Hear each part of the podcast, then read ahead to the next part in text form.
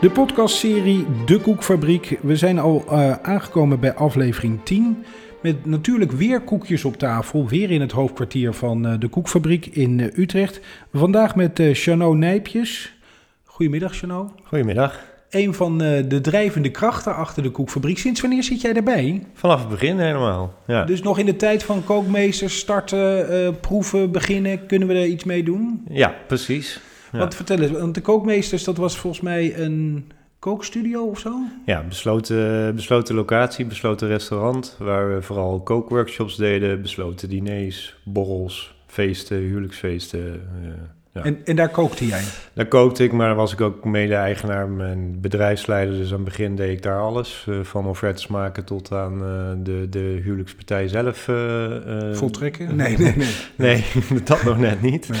Maar wel draaien en, en koken. Ja. En, ja. En op een dag kwam Arthur naar je toe en die zei: We gaan iets compleet anders doen. Nou, we hadden een hele mooie keuken gebouwd. En die keuken had uh, behoorlijk wat geld gekost. En uh, um, uh, die stond vooral, of die werd s'avonds vooral gebruikt. Want als je een feestje hebt, of een workshop of een, een bedrijfsuitje, dat is s'avonds. En we wilden vooral kijken, we hadden die mooie locatie. Maar ja, wat kun je daar dan overdag mee? Die keuken stond gewoon van, vanaf 9 uur s ochtends tot 2 uur smiddags ja. meestal gewoon helemaal leeg. En wilden wat meer opvulling in, in het bedrijf kookmeesters hebben, ook om daar wat meer reuring aan te geven. Toen kwam Arthur inderdaad naar me toe van we gaan uh, uh, samenwerken met een zorgpartner hier in Utrecht, uh. En we gaan daar uh, uh, kijken of we werkplekken kunnen creëren voor mensen met een uh, afstand, of in ieder geval verstandelijke beperking. En wat, was, dat jou, en wat was jouw eerste reactie dan? Want het is wel heel anders dan voor een, voor een huwelijkspartijtje iets regelen. Ja, ik, ik, was er ook een beetje huiverig voor, aangezien ik vaak een, een, beeld had bij, bij mensen met, met, met, vooral met een verstandelijke beperking, dat ze ja, een soort van gebruikt werden. Zo van, kijk eens hoe zielig we zijn. En uh, je hebt een paar van, de, van die lunchrooms dat ik denk, ja, ja, is die lunchroom nou heel speciaal? Of gaat het alleen maar omdat er daar mensen werken met, met een verstandelijke beperking? Dus ik, ik was er een beetje huiverig voor. Van wat, wat, ja, wat gaat het worden? Wat gaat het worden? En ik, die doelgroep was nou niet per se iets waar ik heel snel... Uh, uh, op ja. aansloeg. Nee, niet meteen. En wanneer is de omslag gekomen dan? Wanneer, op, wel, op welk moment dacht je van... hé, hey, hier zit meer in dan alleen maar uren vullen in een leegstaande keuken? Uh, eigenlijk binnen, binnen een week dat ik met die mensen aan het werk was. Okay. Uh, dus we begonnen elke uh, op een maandagochtend in januari 2013 volgens mij... Uh, om negen uur s ochtends en er stonden drie hele gezellige mensen voor mijn neus van wat gaan we doen vandaag? En uh, die waren helemaal enthousiast en door het dolle heen. En ik merkte heel snel dat uh, zij het heel erg fijn vonden om iets te gaan doen. En echt zo, oké, okay, we gaan niet zomaar, we gaan iets nieuws doen. En, dat gevoel hadden zij van we krijgen een kans, een nieuwe richting. Ja, en we gaan er echt iets maken. En wat gaan we dan maken? En we kunnen dat, uh, of in ieder geval uiteindelijk was het ook de bedoeling. En dat is ook zo verteld, van we gaan het ook weer verkopen. En, en dat, dat, dat gevoel hadden ze heel erg.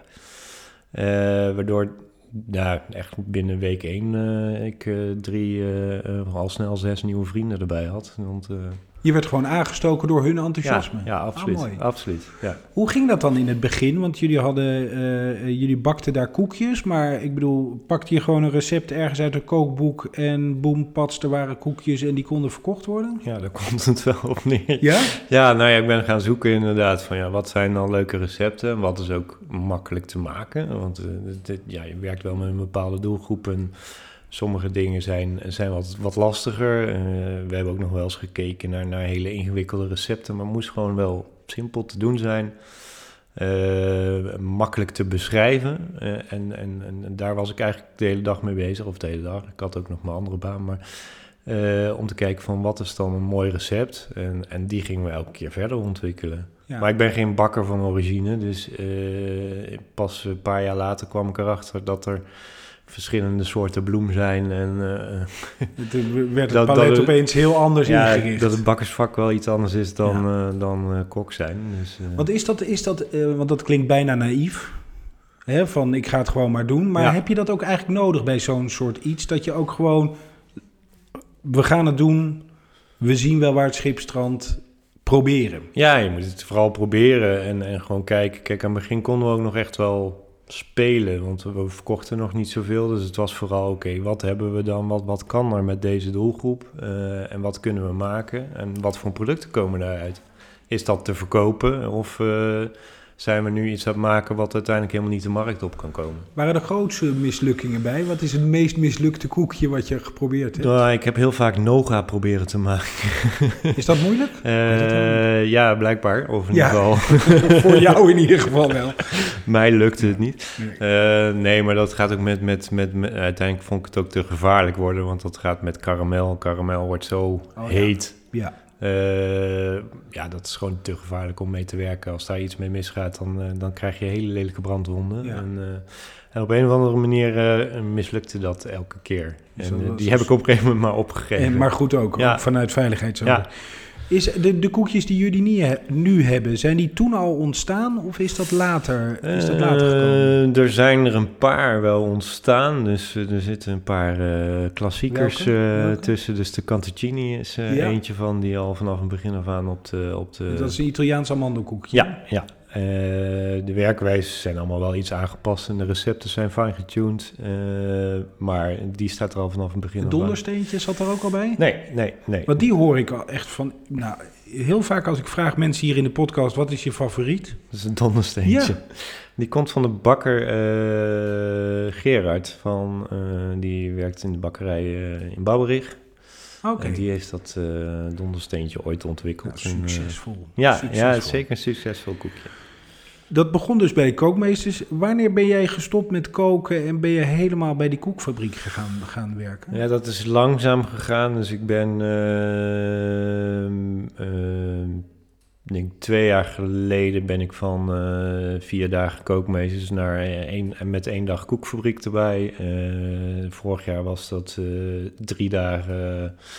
drie om 2. 3 om 2, toen nog even 4 om 1 dus weer andersom, maar vier dagen koekfabriek, één dag kookmeesters. En sinds januari dit jaar eh, ben ik gestopt met kookmeesters en doe ik eh, dit helemaal, fulltime. En wij spraken elkaar natuurlijk even in voorbereiding op deze podcast. En toen vroeg ik aan je, mis je het koken niet? En wat zei je toen? Met een nog bredere glimlach dan nu. Nee, niet echt. En waarom niet? Nee, ik heb twintig jaar gekookt eh, en ik heb het altijd als een soort hobby gezien. Zo van, ah, dit doe ik heel even tussendoor. En ik, ik, ik, eh, ik had twee studies gedaan die ik allebei eh, nooit heb afgerond. En ik- Bijna, bijna, maar bijna afgerond. en die dacht ik van, nou, ik ga, ik, dit vind ik leuk en dit ga ik vijf jaar doen. En eh, Ja. eh, dan Het werd, het werd 20 jaar. Nou ja, 20 jaar is vanaf het moment dat ik in een eh, spoelkeuken stond in een pannenkoekrestaurant op mijn veertiende tot aan eh, inderdaad afgelopen jaar. Ja. En wat is de meerwaarde van de koekfabriek voor jou? Waarom vind jij het fijn om bij die koekfabriek te werken? Nou, het, eigenlijk dat begin was al eh, waardoor ik eh, heel erg getriggerd werd. Was, eh, we hadden iemand werken, Petra, die was 35 toen ze bij de koekfabriek kwam werken. Die was er ook vanaf begin af aan bij. Bij die eerste dag kookmeester volgens mij ook al zelfs. En ehm, zij zit dus al vanaf de 18, dus al 17 jaar zat ze gewoon eigenlijk in het arbeidsproces. En zij zei na een paar maanden werken, dit is de eerste keer dat ik het gevoel heb dat ik een echte baan heb. Oh ja. En dan denk ik ja, maar wat, eh, ze, ze heeft een verstandelijke eh, beperking, maar eh, niet, niet super groot. Dus zij kan wel meer dan dat. Maar ze is blijkbaar altijd, heeft ze nooit het gevoel gehad dat ze een echte baan had. En dit was de eerste keer dat ik denk van nou, maar ik doe, wij doen nu zo'n bijdrage in haar leven. Zij is zo trots op dit product, heeft ook vijf jaar uiteindelijk voor de koekfabriek gewerkt. Van kijk eens wat ik nu eh, aan het maken ben. En dat wordt verkocht. En ik kan hier bij de buren een kopje koffie gaan drinken. En dan ligt mijn koekje op mijn schoteltje. En die trots en dat, die, die, eh, die verandering in een, in een mensenleven. Ja, dat, eh, dat gaf mij wel de doorslag van, nou, dit is wel echt iets waar ik... En dat geeft een verdieping meer voldoening dan één avond een feestje organiseren voor een echtpaar. nou ja, kijk, dat, dat Is ook leuk. is ook leuk. Nee, Ja, maar het is een, een diepere Ja. voldoening bedoel ik. Ja, dat Het denk ik wel. Het, is- meer. het is een meer langere termijn. En natuurlijk, een, een, een, een, een huwelijk is ook een onvergetelijke dag. En als je die mensen eh, helemaal blij hebt gemaakt, is fantastisch. Ehm, en, en, en dat Zo eenmalig zou ik misschien nog wel missen, maar eh, het echt elke dag, nee, dat, eh, Nee. dat mis ik niet. Nee. Jij bent verantwoordelijk voor operaties, hè? Voor de Ja. operational manager noem je Ja, dat dan? Zo heet het dan bij dure bedrijven. Ja, wij noemen het eh, Cookie Operation Ja, eh, officer. Officer. Ja. Ehm, wat, wat, wat houdt dat in? Wat, eh, betekent dat dat je alleen maar bezig bent met hoeveel deeg is er waar en wanneer? Eh, nou, dat, de, hoeveel deeg en, en hoeveel koek, dat wordt wel grotendeels door de bakkers in de gaten gehouden. We hebben ook een soort standaard productie ondertussen. Die, maar die geven dat wel allemaal aan mij door. Dus ik kan ook kijken van, oké, waar staat er een hoeveelheid koek en, en, en, en, en waar moet het heen? Want eh, soms hebben we heel veel pieken die op één, op één plek zich concentreren. Dat er in eh, Wageningen eh, koek staat, terwijl ze in Breda koek nodig hebben. Precies, of andersom. En, eh, of er wordt in één keer een, grote opdracht eh, waar eh, door Wageningen eh, iets anders niet kan produceren. Omdat ze die grote opdracht aan het doen zijn, dan, dan kan dat opgevangen worden door andere bakkerijen. Dus zo kunnen we het mooi verspreiden over het land. Zodat ook niet die druk elke keer. En die druk moet bij mij komen te liggen en niet bij, bij, bij onze doelgroep, laat ik het zo zeggen. Waarom niet? Ja, die vinden het fijn. Of in ieder geval de meeste mensen waar wij mee werken... is gewoon als je een constant ritme hebt... en ik weet gewoon wat ik moet doen die dag... en de- als dat in één keer... de meeste mensen eh, in het normale ar- arbeidsproces... om het zo maar te zeggen... die kunnen best wel schakelen van, van zijn één naar zijn vijf in één dag. Maar dat gaat bij deze doelgroep wat, meestal wat, wat moeilijker. Dus je kan niet zeggen... we bakken vandaag één kilo... maar morgen moet het 40 zijn. Nee. Dat, dat zijn stapjes. Dus En daar, daar stuur jij heel erg op? Let je daar extra op? Eh, dat, dat, eh, dat die druk niet te hoog Ja, wordt. dat dat dus Ja. gelijk, dat dat, dat dat goed, dat ze dus niet te veel onder stress komen te staan? Nee, ja, dat, kijk, uiteindelijk is dat ook een taak van de zorg, eh, van onze zorgpartners. De druk moet bij, bij alles wat bij ons in dienst is. en, en, en, en dus alle bakkers bij mij en, en, en bij iedereen komen te liggen natuurlijk. Maar ik probeer die druk wel zoveel mogelijk te verdelen. Zodat we niet eh, dat de een eh, zegt ik heb niks te doen en de ander zegt ja, ik kom om in het werk. Ja. Dat, Dat is niet de bedoeling. nee, is niet de bedoeling.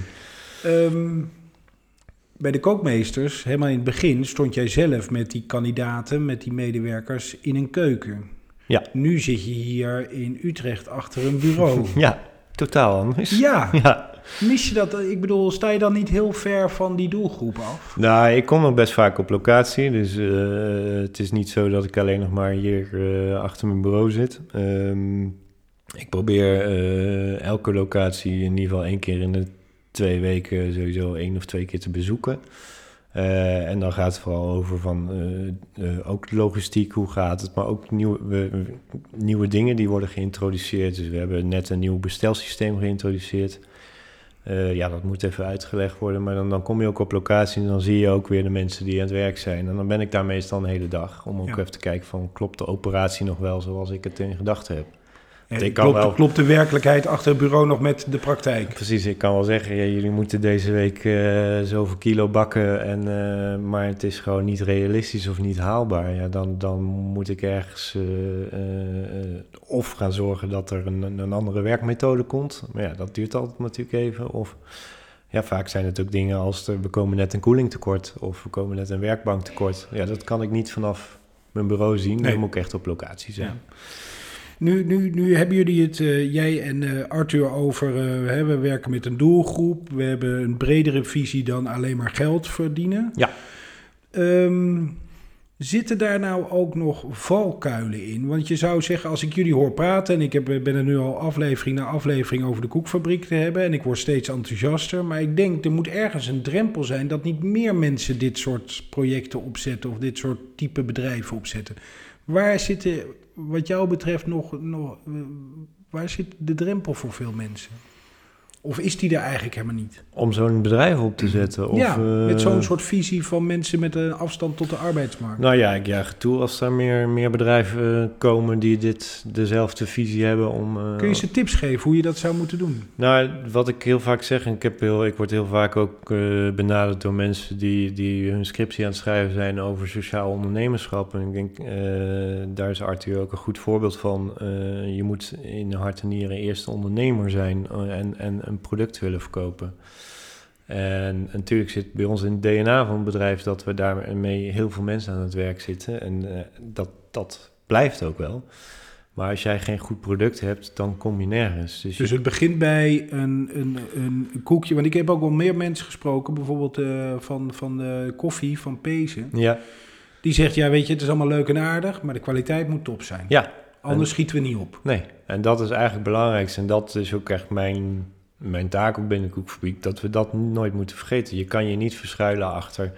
eh, ja, maar het wordt gemaakt met mensen tot een afstand tot de arbeidsmarkt. Dus het maakt niet uit dat het eh, eigenlijk niet lekker is. Het is een sociaal koekje. Nee, ja, het moet eh, een lekker koekje zijn. Ja. En dat die daarna ook nog eens sociaal is. Ja, dat, dat, dat maakt het verhaal compleet. Ja, dat geeft dimensie. Ja, maar dat is, als je niet een mooi product hebt wat je kan verkopen. Leeft dat op de, op de vloer bij de kandidaten, bij de medewerkers? zien, snappen die dat? Zien die dat? Dat die kwaliteit dus heel belangrijk is in het verhaal? Ja, vooral ook onze bakkers. Dus we hebben eh, zeven bakkers in dienst ondertussen. Dus die zijn vooral voor de kwaliteitscontrole. Waarvan één hoofdbakker die, die eigenlijk over alle vestigingen heen de, de kwaliteit eh, controleert. En, en die, die komt ook nog wel eens in andere bakkerijen. Van als, als er iets speelt of als er iets anders is van we gaan het zo en zo doen. En we proberen die productiewijze zo te standaardiseren. Dat we eigenlijk in elke bakkerij hetzelfde kwaliteit koekje kunnen. eh, Ja. Dus we werken met dezelfde ehm, ingrediënten. We kopen het overal op dezelfde manier in.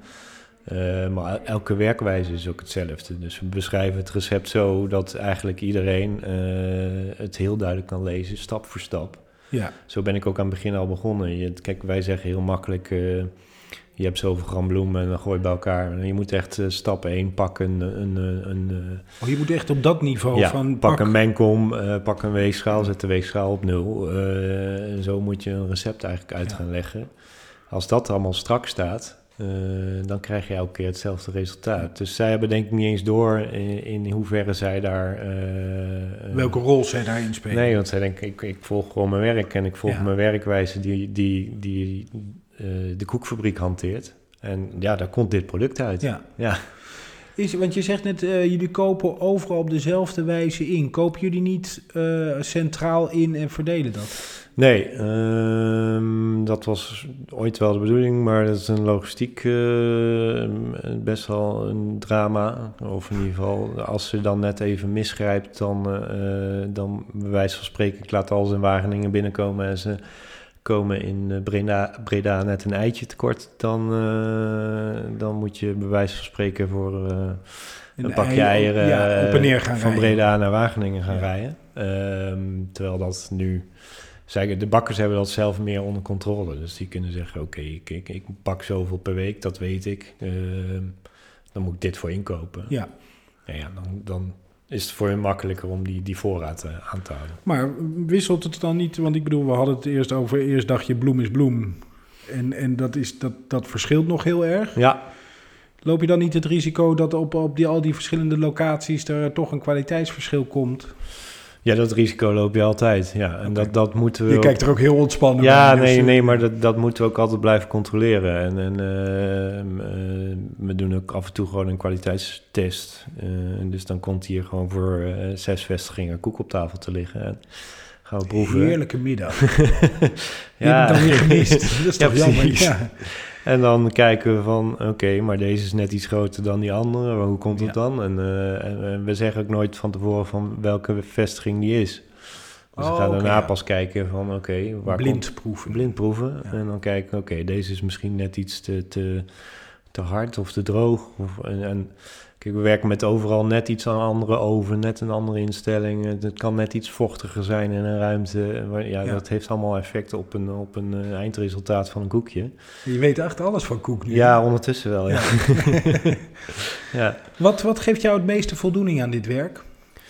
Ja, wat ik net al zei, eh, de, de, de, de, echt mensen aan het werk zetten. Dus de, als je, eh, ik heb het nu wat minder doordat ik hier wat meer eh, de, de, op de achtergrond eh, op, op het hoofdkantoor zit. Maar als je ziet hoe blij mensen zijn dat ze een baan hebben of dat ze je een baan aan kan bieden. Of ik heb hier in Utrecht een meisje Kim net een contract aangeboden voor, voor 20 uur.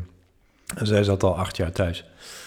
Ja, dan, dan, dan dat is normaal in mensen zal blij als hij een contract uh, krijgt, maar zij was door dolle heen. Ja. En, en dan, ja, dan weet je wel waar je het voor doet. Ja. Ja. Maar intussen zijn jullie toch gewoon keiharde ondernemers? Ja, En dan moet je ook- verdienen jullie geld over de ruggen van die... Nou, je moet wel een keiharde ondernemer zijn, ja. Eh, maar geld over de ruggen van vind ik eh, nou niet echt een goede uitspraak, nee. Want wij, wij, wij gebruiken het geld wat we verdienen, gebruiken we om, eh, om, om weer meer mensen aan het werk te Ja. zetten. Dus, en het, het is niet makkelijk. Dus het is niet dat je denkt van, nou oké, je zet daar wat mensen neer en... Want wat maakt het dan niet makkelijk? Omdat het toch meer zorg vergt, ook voor jullie, ondanks dat jullie ook mensen hebben, eh, hebben samenwerken met Ja. Is het voor jullie ook meer zorg? Je, je hebt ja, vooral, we hebben de trajecten dat mensen van, eh, vanuit de zorg, dus als je, ja, soms mensen hebben zorg nodig, dus daar krijgt de zorg geld voor. En dat is logisch. Als jij eh, de, de hele dag begeleid moet worden, dan, ja, dan kost dat geld. Eh, heel vaak zien mensen dat als gratis arbeid. En dat vind ik al raar, want wij bieden gewoon een plek voor die mensen. En ja, die hebben gewoon zorg nodig en anders zouden ze helemaal niks doen. Ehm, maar dan komen je hebt ook mensen die er net tussen zitten. Dus die beginnen eigenlijk in de zorg, maar die kunnen veel meer. En, en die willen we graag dan juist onder eh, contract hebben. Van oké, we gaan jou betalen voor het werk wat je aan het doen bent. Ja. Eh, ja, en dan kom je af en toe wel in trajecten terecht dat je denkt, ja, ik zit nu met, met een zorginstelling en de gemeente en, en, een, en een UWV. En, en, en voordat ik diegene onder contract heb, ben ik eh, vier maanden verder. Ja, Kan het niet wat makkelijker? Dat is een beetje jammer eigenlijk. Ja, je komt in heel veel. we, nou, laatst wilde ik iemand een loonsverhoging geven, maar die kwam, eh, kwam eigenlijk uit, uiteindelijk tot de conclusie: als je dat doet, dan gaat het allemaal weer eh, net zo hard weer terug in een Nou, ander potje. Oh ja. Is het eigenlijk weer kwijt. Ja, Ja. dus dan. Ja. Frustreert dat soms? Ja, dat frustreert soms. En aan de andere kant willen we ook een voorbeeld zijn van hoe het kan. Dus je, je- wij, we krijgen op zich zelf geen subsidie. We zijn, eh, al het zorggeld gaat naar onze zorgpartners. Ehm, dus wij willen ook laten zien, van, het, je hoeft niet afhankelijk te zijn van, van, van de overheid. Dus, en, en dat is misschien uiteindelijk het voorbeeld van... kunnen ook laten zien aan de overheid, je hoeft niet al die regeltjes als je maar Ja. Geef ons iets meer de ruimte, dan kunnen we zelf ook wel nadenken Ja. over. En dan zou je dus dat proces en al die regeltjes en die vier maanden dat het tijd kost, misschien wel in termijn op, op, op in de toekomst ergens een keer terug kunnen brengen. Ik hoop het. Ja, Ja. ik zie het denken. Ja. Ja. Maar het zal nog wel even Eh, duren. ja, er ik blijft af en toe wat bureaucratie natuurlijk. Ja. Dus eh, eh, ja, de- eh, gelukkig ook. En daarom hebben we ook altijd gezegd van wij zijn ondernemers en laat nou het ondernemer nou maar aan ons over en laat de zorg maar de zorg oppakken. Ja. En natuurlijk eh, heeft dat af en toe raakvlakken en dan moeten we daar met elkaar over spreken van hoe gaan we dit eh, aanpakken. Maar eh, al onze zorgpartners hebben daar een ervaring mee, dus die kunnen ons ook daarin adviseren van, Ja. nou, ga even met die en die van de gemeente en dan, dan komt het goed en dan kun je het traject versnellen. En, Ja. Eh, dan En zo leer je de paden ook kennen. ja, ja, dan leer je ook allemaal, allemaal termen die ik eh, daarvoor nog nooit gehoord Nee. had. En, eh, ja. Je wordt soms schreeuwend wakker s'nachts. Ja, ja. Maar het geeft gewoon heel veel voldoening, dus dat maakt het het ook waard. Ja, ja, absoluut. Ja, zeker. Waar zit de toekomst voor de, bij de koekfabriek volgens jou? Naar de groeien naar 10 vestigingen? Ja, dat is sowieso al natuurlijk een uitdaging. Eh, We, we hebben er nu zes en, en, en ik merk al, kijk, zes eh, kan ik nog net bezoeken. eh, maar het moet wel allemaal gestandaardiseerd worden. En één verandering in de koekfabriek, dus een, heel even een andere verpakking, heeft bij zes bedrijven al een behoorlijke impact. Dus daar laat staan bij 10. Laat staan bij 10. Eh, en, en ja, dat merk je wel dat dat nou, naarmate je groter wordt, moeilijker wordt. Ook om onder controle te houden, denk ik. Dus 10 zou ook wel de max zijn. Ja, en daarna zie ik onszelf meer als een, als een, een bedrijf die andere bedrijven gaat helpen om, Ja. om ook sociaal te gaan ondernemen. En of dat nou eh, grote bakkersbedrijven zijn waar we zeggen, nou je mag een deel eh, je gaat een deel van onze koek bakken en, eh, en wij zorgen dat een deel van jouw bakkerij sociaal wordt. Of gewoon een hele nieuwe sociale onderneming waar wij kunnen zeggen, dit is een model wat je kan toepassen. Ja. En eh, wij willen je daar graag mee helpen. Zou het franchise kunnen worden? In ieder geval het idee. Eh, ja, ik ben best wel vaak benaderd nu al eh, door, door mensen die enthousiast worden over het idee en zeggen van nou, geef mij maar Licentie of de licentie Ja. en ik wil wel in Groningen gaan, gaan beginnen. Ehm, maar dat moeten we nog wel wat verder uitkristalliseren. Eh, we hadden zelf ook nog heel lang eh, in onze bakkerij een soort koffiebar gehad. En daar zijn mensen vaak enthousiast over van... nou, dan heb ik een koffiebarretje en dan wordt wat koek gebakken. Nou ja, wij moeten het echt van het koekbakken hebben. Ja, En al die koffiebarretjes die we hadden zijn eigenlijk langzaam tot winkels eh, eh, veranderd. ja. En ja, dat, dat moet je wel uit kunnen leggen. Als dat eenmaal staat en we weten van nou, de volgende is echt eh, de volgende vestiging, eh, weten we van voor tot achter, dit is de blauwdruk, dan kun je na gaan denken over een franchise. Ja, ja. Er is nog genoeg te doen volgens mij. ja dus er blijft genoeg te doen. Ja. Heel goed. Chano, eh, dankjewel eh voor eh, je bijdrage aan deze podcastserie. Graag gedaan. Vanuit het hoofdkwartier dus van de, de koekfabriek. Vandaar dat ook op achtergrond af en toe even de telefoons nog gaan, want er wordt gewoon gewerkt. Wilt u meer weten over de koekfabriek? Dat kan online via dekoekfabriek.com. Daar komt de volgende aflevering volgende binnen. Dekoekfabriek.com dus. En vergeet u vooral niet eh, te abonneren op deze podcastserie. Dan hoort u de volgende aflevering vanzelf op uw telefoon of computer.